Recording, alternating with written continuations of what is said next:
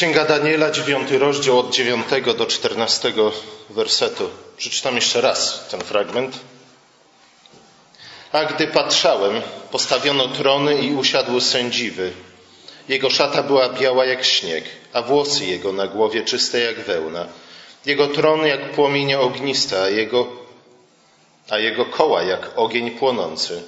Ognista rzeka wypływała i wychodziła sprzed niego. Tysiące tysięcy służyło mu, a dziesięć tysięcy razy dziesięć tysięcy stało przed nim. Zasiadł sąd i otwarto księgi.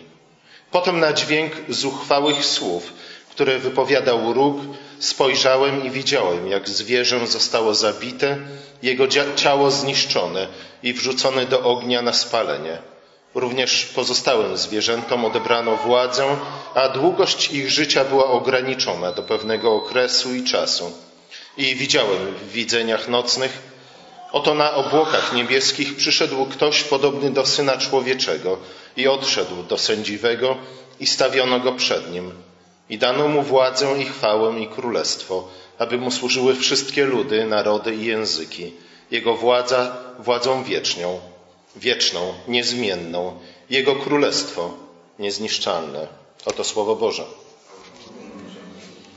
Pomódlmy się.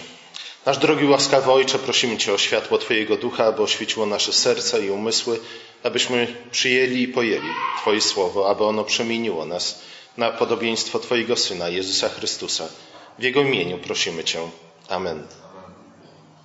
Na pierwszy rzut oka może tekst nie do końca pasujący do niedzieli przemienienia pańskiego, ale wydaje mi się, że jest to tekst jak najbardziej pasujący ze względu na to, że przemienienie pańskie było niczym innym, jak tylko zapowiedzią w niebo wstąpienia Chrystusa, a zatem również Jego intronizacji. Chrystus po wstąpieniu do nieba zasiada na tronie i Jemu zostaje przekazana wszelka władza w niebie i na ziemi.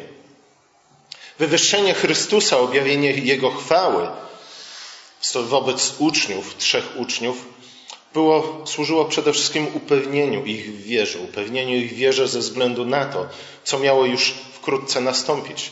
Chrystus jest w drodze do Jerozolimy, w której zostanie zdradzony, zbity, umęczony i w końcu umrze. Ale to nie powinno zbić uczniów z tropu, czy też z pantałyku, nie powinno zachwiać ich wiarą, ale raczej powinno ich upewnić tym, że to, co wydarzy się w Jerozolimie, jest w całkowitej zgodzie z planami, z zamiarami Boga.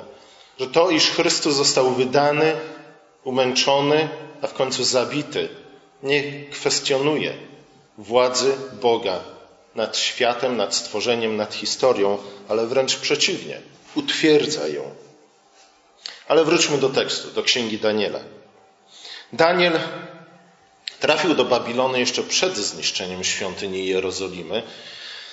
Trafił do Babilonu w roku 605 przed Chrystusem. Dopiero około 19 lat później świątynia i Jerozolima zostały zniszczone. Daniel otrzymał szkolenie na dworze Nabuchodonozora, czyli Nebukadnesara. Stał się jednym z jego doradców. Później w swojej karierze stał się kimś podobnym do Józefa w Egipcie, jednym z najważniejszych ludzi w imperium, najpierw babilońskim, a później perskim. Przez sen Bóg objawił Nabuchodonozorowi, iż wyznaczył mu szczególną rolę w historii. Nabuchodonozor miał stać się głową imperium. Teraz imperia zwykle źle nam się kojarzą, ale w Biblii nie do końca tak jest, dlatego że w Biblii występują zarówno dobre, jak i złe imperia. Unia Europejska sama w sobie nie musi być zła, jak wielu z Was sądzi. Nie? Może być dobra. Zła albo dobra jest w zależności od tego, co robi, a przede wszystkim w zależności od tego, jaki jest jej stosunek do Kościoła, do chrześcijaństwa, do Ewangelii i do Królestwa Bożego. W każdym razie Nabuchodonozor miał być nie tylko imperatorem, ale miał również być strażnikiem Izraela, który był ludem kapłańskim. Niestety później jeden z jego następców przywłaszczył sobie właśnie tę funkcję kapłańską, która była przy, przeznaczona dla Izraela. Nabuchodonozor po tym pierwszym śnie otrzymał drugi sen, w którym właśnie Bóg mu to objawił.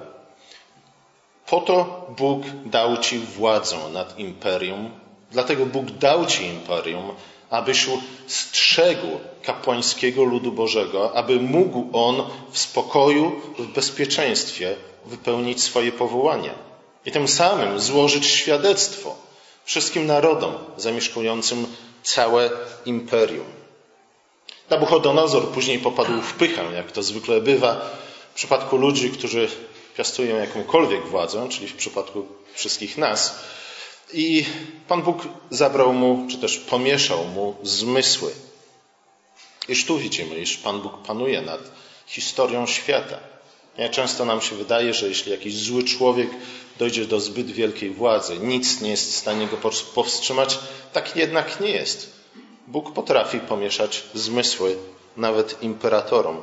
I rzeczywiście Nabuchodonozor stał się jak zwierzę, jak bestia. Zamieszkał między zwierzętami, żywił się trawą jak wół, aż w końcu Bóg przywrócił mu zmysły i Nabuchodonozor zrozumiał, że to nie on jako imperator jest królem królów i panem panów, ale Bóg, który powierzył mu tę władzę.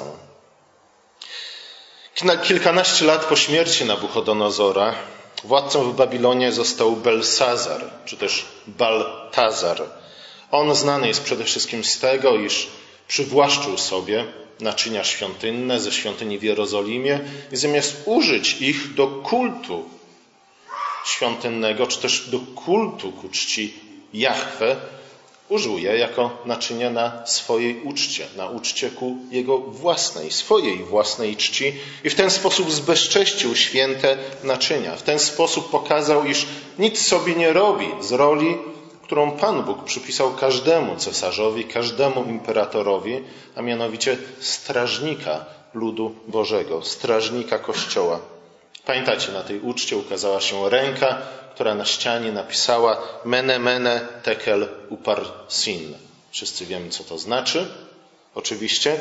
To była zapowiedź końca panowania Baltazara. Był to ze względu na to, że jeszcze tej nocy nastąpił atak perski. Władzę nad Babilonem przejęli Medo-Persowie. Królem, czy też nowym imperatorem został Cyrus, czyli Dariusz. Nie pytajcie mnie, dlaczego Cyrus i Dariusz to jest jedna i ta sama postać, bo za dużo czasu by zajęło wyjaśnianie tego tu i teraz. Cyrus i Dariusz. I Cyrus i Dariusz musimy pamiętać o tym, iż jest on tym pierwszym sługą Jachwę, o którym mówi prorok Izajasz. Jest tym, który był dobrym imperatorem. Jest tym, który pozwolił ludowi Bożemu po 70 latach niewoli wrócić do Jerozolimy, odbudować świątynię, a nawet zaopatrzył ich we wszystko, co było potrzebne. Innymi słowy, sfinansował budynie, budowę, jakbyśmy mogli powiedzieć, świątyni opatrzności Bożej. Nie? To, że państwo finansuje obiekty kultu, nie jest samo z siebie złe. Pytanie, jakie obiekty kultu finansuje? Nie? I w związku z tym również jaką religię promuje, a także nie? Budowanie obiektów kultu przez państwo jest, powinno być raczej wyrazem uznania tego, iż państwo chce słuchać prorockiego głosu Kościoła, zamiast kontrolować go, jak to niestety jest w większości imperiów. I teraz przechodzimy do siódmego rozdziału Księgi Daniela, który opisuje wizję, jaką Daniel otrzymał właśnie w pierwszym roku panowania króla Baltazara. Widzimy tam cztery bestie, cztery zwierzęta, które wychodzą z morza. Widzimy jedną z tych bestii, na której głowie rosną, rośnie dziesięć rogów. Jeden jednak róg spośród tych wszystkich wybija się. Cztery wiatry wiejące nad morzem powodują to, iż te bestie wychodzą z morza. I teraz pamiętajmy o tym, iż cztery wiatry w Piśmie Świętym, wiejące ponad wodami mórz, są znakiem niczego innego, jak posłańców Bożych, jak aniołów. To Pan Bóg pobudził te cztery bestie, które zgodnie zresztą z wcześniejszą wizją, ze snem Daniela, oznaczają cztery imperia, następujące jedno po drugim. Pierwsze to imperium Nabuchodonozora, Babilon wielki. Drugie to imperium perskie. Trzecie to imperium greckie. A czwarte to imperium rzymskie. Każde z nich otrzymało zadanie stania na straży ludu Bożego, tak aby lud Boży mógł poświęcić się przede wszystkim temu, aby oddawać cześć Bogu, aby sprawować kult ku czci Boga Jahwe. Później w tej wizji Daniel widzi kogoś podobnego do syna człowieczego, który otrzymuje władzę nad tymi bestiami. Innymi słowy, władzę nad tymi imperiami. Nie, tu oczywiście musimy się wrócić do ogrodu, dlatego że pierwszym człowiekiem, który otrzymał władzę nad zwierzętami, był kto? Był oczywiście Adam. Tu widzimy nowego Adama, który sprawuje władzę nie tylko nad owcami, nad koniami, nad psami i kotami, ale sprawuje władzę nad tymi, których symbole są zwierzęta, a zatem władzą nad imperiami. Chrystus jest królem królów i panem panów.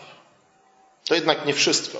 Ze względu na to, iż dalej w siódmym rozdziale Księgi Daniela, a więc w tej samej wizji widzimy, iż nie tylko ten, który jest podobny do Syna Człowieczego, otrzymuje władzę nad bestiami, czyli nad imperiami, ale także ci, którzy należą do Niego. Lud Boży otrzymuje podobną, czy też tę samą w gruncie rzeczy władzę nad bestiami, czyli nad imperiami.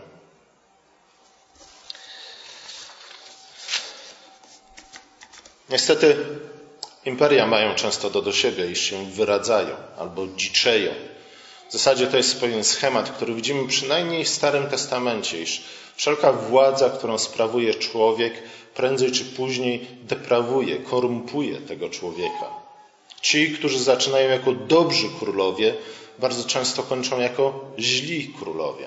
Królestwa, które z początku są dobre, pobożne, zapewniają wiernym bezpieczeństwo, pokój, spokojne życie i dostatek, niestety prędzej czy później wyradzają się.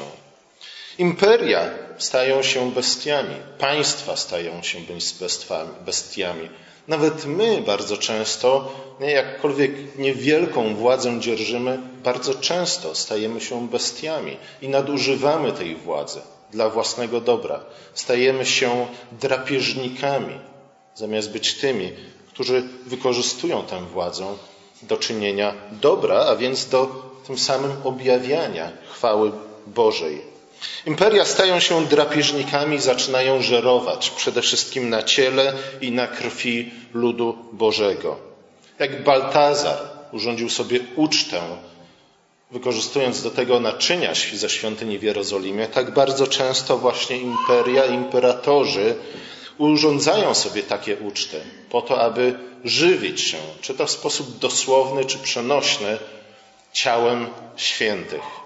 Pamiętamy, jaki był koniec Jana Chrzciciela. Jego głowa została podana na tacy jako główne danie na uczcie Heroda. Oczywiście nikt jej nie zjadł. Nie? Niemniej jednak symbolika, wydaje mi się, jest dość oczywista.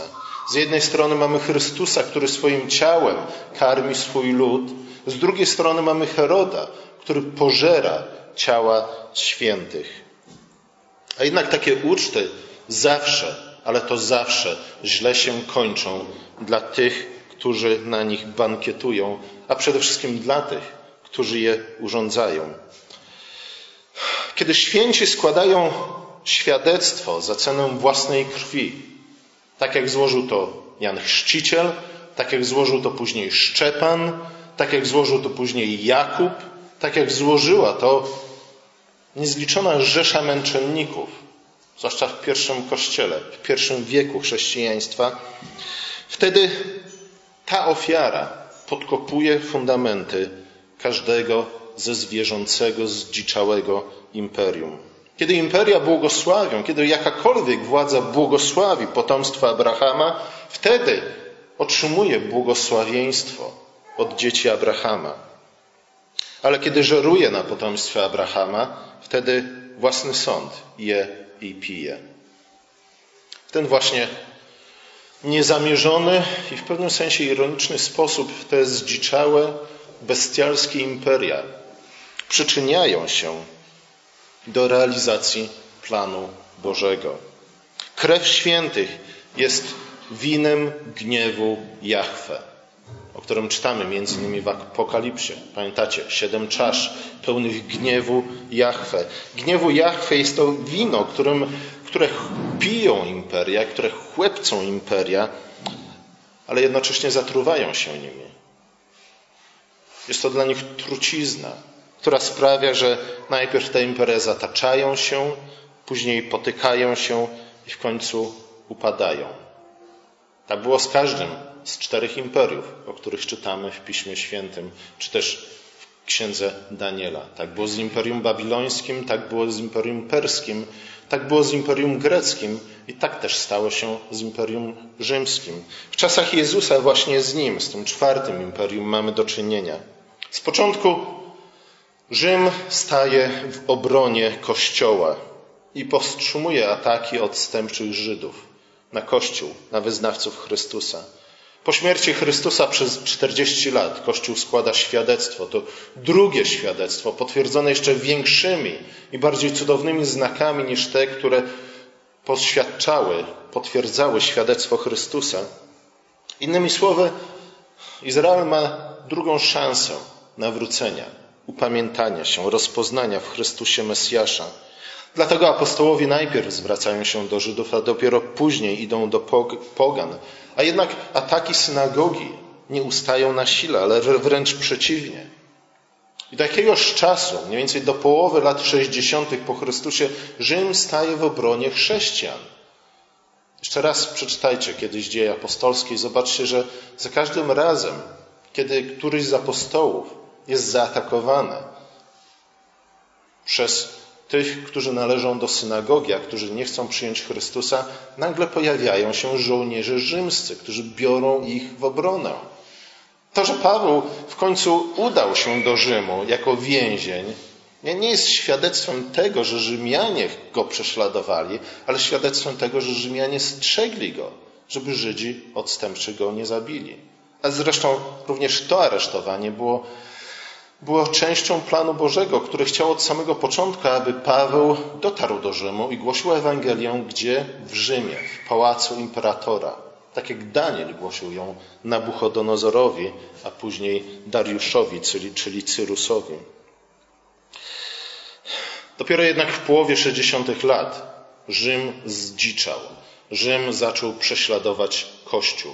I to tak naprawdę jest znakiem, iż imperium staje się bestią, kiedy zaczyna prześladować Kościół. Intronizacja Chrystusa, jego w niebo wstąpienie, nie oznaczała zatem końca walki tutaj na ziemi. Nie oznaczała nastania pełni Królestwa Bożego. Oczywiście wraz z przyjściem Chrystusa Królestwo Boże przyszło do nas, a jednak nie nastała jego pełnia wraz z wniebowstąpieniem Chrystusa. Z drugiej strony nie powinniśmy nigdy wątpić w słowa Chrystusa kończące Ewangelię Mateusza, iż wszelka władza, nie tylko w niebie, ale także na ziemi, jest Jemu przekazana. Powinniśmy modlić się modlitwą pańską z ufnością, kiedy wypowiadamy słowa Niech się dzieje wola Twoja, jak w niebie, tak i na ziemi. Nie kiedyś, nie, nie po końcu świata, ale raczej już teraz. Co prawda stopniowo, powoli, krok za krokiem, a jednak niech się dzieje. Pod koniec lat 60. pierwszego wieku Kościół został tak bardzo zdziesiątkowany. W zasadzie nawet nie powinniśmy mówić o zdziesiątkowaniu, ze względu na to, iż wielu historyków Kościoła mówi, iż e, właśnie w czasach Nerona, cesarza, imperatora, chyba najgorszej spośród wszystkich bestii imperialnych, Kościół praktycznie przestał istnieć. Został niemalże do końca zniszczony, wyniszczony. Tak wielu było w tym czasie męczenników, którzy oddali swoje życie, przelali krew za Ewangelię. I w tym momencie rzeczywiście imperium upadło. Ja oczywiście w pewnym sensie możemy mówić o tym, iż Rzym trwał, nie? a jednak to już był inny Rzym. Ja mówiąc o tym, że jakieś 200 lat później Rzym oficjalnie rozpoznał Chrystusa jako króla.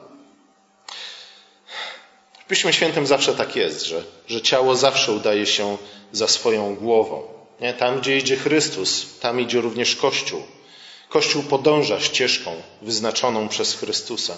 To oznacza, że jak pasja Chrystusa była jego drogą do intronizacji, do wywyższenia, do wniebowstąpienia, do uwielbienia, podobnie też męczeństwo Kościoła pierwszego wieku było zapowiedzią wywyższenia tegoż Kościoła. Tertulian powiedział, iż krew męczenników jest posiewem chrześcijan. I rzeczywiście, zwłaszcza te pierwsze wieki składają, potwierdzają tę zasadę, ale nie tylko te pierwsze wieki, ale także cała historia Kościoła. Krew męczenników jest posiewem chrześcijan. To oznacza, ja wiem, że w pewnym sensie te słowa mogą brzmieć abstrakcyjnie i może bezdusznie, ale to oznacza, iż im więcej imperialne bestie zabijają chrześcijan, tym szybciej Kościół się rozwija. W ten sposób upewniają się wrogowie Kościoła, iż to Kościół zatriumfuje w historii. W pewnym sensie te zdziczałe imperia lepiej by zrobiły z własnego punktu widzenia, gdyby zostawiły chrześcijan w spokoju. Właśnie dlatego, iż krew męczenników jest posiewem chrześcijan. Właśnie dlatego, że krew męczenników jest winem gniewu Jahwe, którym upijają się imperia i od którego upadają imperia.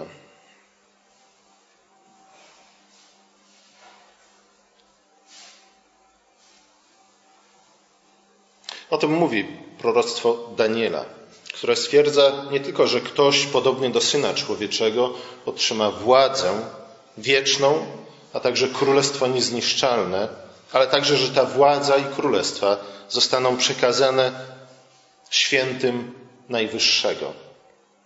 Obietnicą tę potwierdza Chrystus w Ewangeliach. Wy zaś jesteście tymi, którzy wytrwali przy mnie w pokuszeniach moich. Z drugiej strony zwróćmy uwagę na to, co jest warunkiem otrzymania tej władzy i tego królestwa. Wy jesteście tymi, którzy wytrwali przy mnie w pokuszeniach moich. Ja zaś przekazuję wam królestwo, jaki mnie ojciec przekazał, abyście jedli i pili, i pili przy stole moim w królestwie moim i zasiadali na tronach, sądząc dwanaście plemion Izraela. Podobnie czytamy, podobne słowa znajdujemy w, liście, w drugim liście do Tymoteusza. Jeśli w nim wytrwamy, z nim również królować będziemy. Przy czym pamiętajmy o to, iż przede wszystkim te słowa odnoszą się właśnie do Kościoła, Kościoła pierwotnego, tego starożytnego, powinniśmy powiedzieć, Kościoła pierwszej połowy pierwszego wieku po Chrystusie, dlatego że to oni, im przypadła szczególna rola, szczególnych męczenników Kościoła. Nie? To przede wszystkim do nich Paweł się zwraca, mówiąc: Słuchajcie, nadchodzą straszne czasy. Większość z Was ich nie przeżyje, ale właśnie ze względu na Waszą ofiarę, na Waszą wierność, będziecie królować wraz z Chrystusem. Nie tylko w niebie, ale również tu na ziemi. Właśnie Apokalipsa według świętego Jana opisuje nie tylko intronizację zmartwychwstałego Chrystusa, ale także intronizację tychże męczenników. To oni są tą krwią, która spod ołtarza woła do Boga jak długo. I później następne rozdziały Apokalipsy mówią nam, co Bóg czyni w historii, zwłaszcza w latach 60. I wieku, aby właśnie te dusze męczenników mogły w końcu wstąpić do nieba i tam zasiąść na tronie i sprawować władzę w niebie i na ziemi wraz z Chrystusem.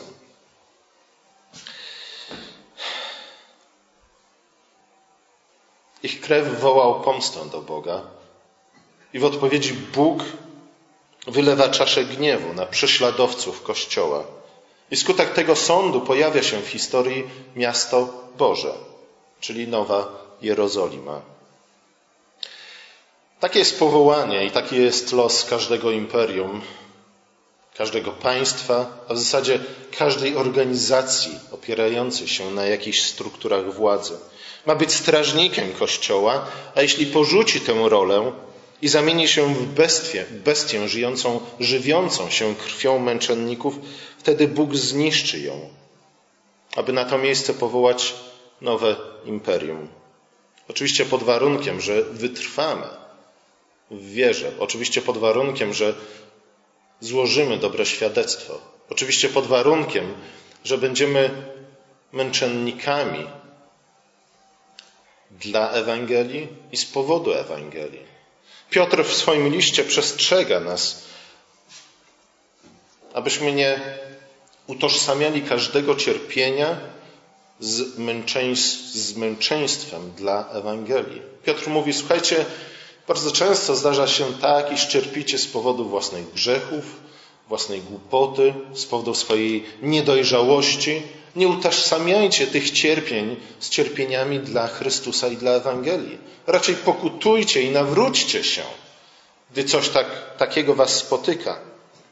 Z drugiej strony, oczywiście nie chodzi o to, żebyśmy jako chrześcijanie e, przyjmowali postawę stoicką i udawali, że tak naprawdę te cierpienia, które nas dotykają, są naturalnym tokiem czy też biegiem historii, ponieważ nie jesteśmy w stanie nad nimi zapanować, ponieważ nie jesteśmy w stanie zmienić okoliczności, powinniśmy po prostu pogodzić się z taką rzeczywistością.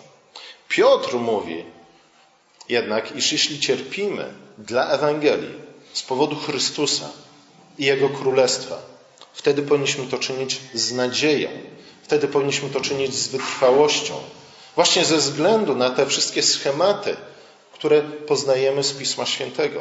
Właśnie ze względu na to, że kiedy imperialne bestie na przykład zaczynają żywić się ciałem i krwią wiernych Bożych, wtedy jest to znak ich rychłego upadku i zapowiedź tego, iż na scenie historii pojawi się nowe imperium, które będzie przyjazne, przynajmniej do czasu, Kościołowi Bożemu.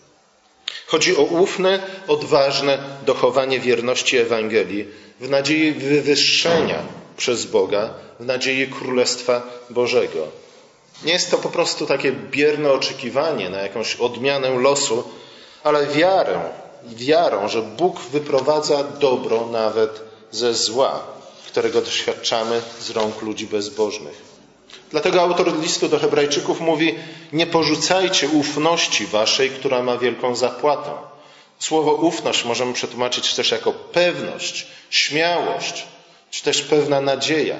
Nie porzucajcie ufności waszej, która ma wielką zapłatę. Mamy wytrwać w nadziei nagrody, jaką Bóg przeznaczył dla tych, którzy dochowają mu wierności. Ta postawa to postawa ufności, śmiałości, pewności, odwagi. I ona ma cechować wyznawców Chrystusa. Nie rezygnacja, nie bierność. Czasami rzeczywiście niewiele jesteśmy w stanie uczynić, ale nawet kiedy trwamy cierpliwie i czekamy, aż Pan Bóg upomni się o nas, powinniśmy to czynić w nadziei. W nadziei wywyższenia. Zwłaszcza kiedy, wtedy, kiedy stajemy jako chrześcijanie może nie my, dzięki Bogu żyjemy trochę w nieco innych czasach, w nieco innej rzeczywistości politycznej, ale wielu chrześcijan w przeszłości i wielu chrześcijan również dzisiaj, w obecnych czasach, musi stanąć oko w oko, oko z tym molochem, ze zdziczałą imperialną bestią. Ale my też często stajemy oko w oko z jakimiś innymi przejawami demonicznych mocy, które chcą nas zniszczyć, właśnie dlatego, że ufnie stoimy u boku Chrystusa. Nie rezygnacja, ale też nie jakieś niecierpliwe marzycielstwo powinno cechować chrześcijan w takich chwilach. Nie oczekiwanie, nie podnoszenie rąk w geście rezygnacji, ale też nie jakieś nierealistyczne oczekiwanie na to, że nagle dokona się ni stąd, ni zowąd deus ex machina, e, coś niesamowitego i nasz los nagle się odmieni. Bóg tak nie działa w historii, Bóg tak nie działał ani w Starym, ani w Nowym Testamencie. Nie tego powinniśmy oczekiwać. Raczej powinno cechować nas to ufne oczekiwanie w przekonaniu, że czy żyjemy, czy też umieramy, do Pana należymy. Ufność w słowach, w których Bóg mówi, iż cenna jest dla niego krew jego wiernych. W pewności, że Bóg współdziała we wszystkim ku dobremu z tymi, którzy go miłują. I słuchajcie, to zestawienie z imperiami, mówię, może nie ma ono bezpośredniego odniesienia do naszej rzeczywistości, ale wydaje mi się, że jest, jest właśnie jednym chyba z najlepszych przykładów tego. Nie? Jak z jednej strony małymi, słabymi, nikłymi jesteśmy jednostkami w zderzeniu z tak potężną machiną.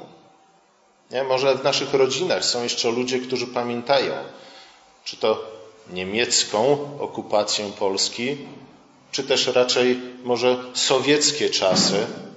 Nie? Poczytajcie pamiętniki ludzi, którzy żyli w tamtych czasach. Przeczytajcie pamiętniki na przykład Nadjeżdy Mandelstam, która opisuje rzeczywistość pod władzą jednej z takich bestii, a mianowicie Stalina.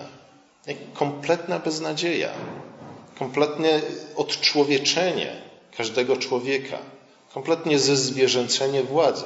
Nie? W tym momencie rzeczywiście wydaje nam się, że jesteśmy kompletnie bezradni. Nie jesteśmy w stanie nic uczynić.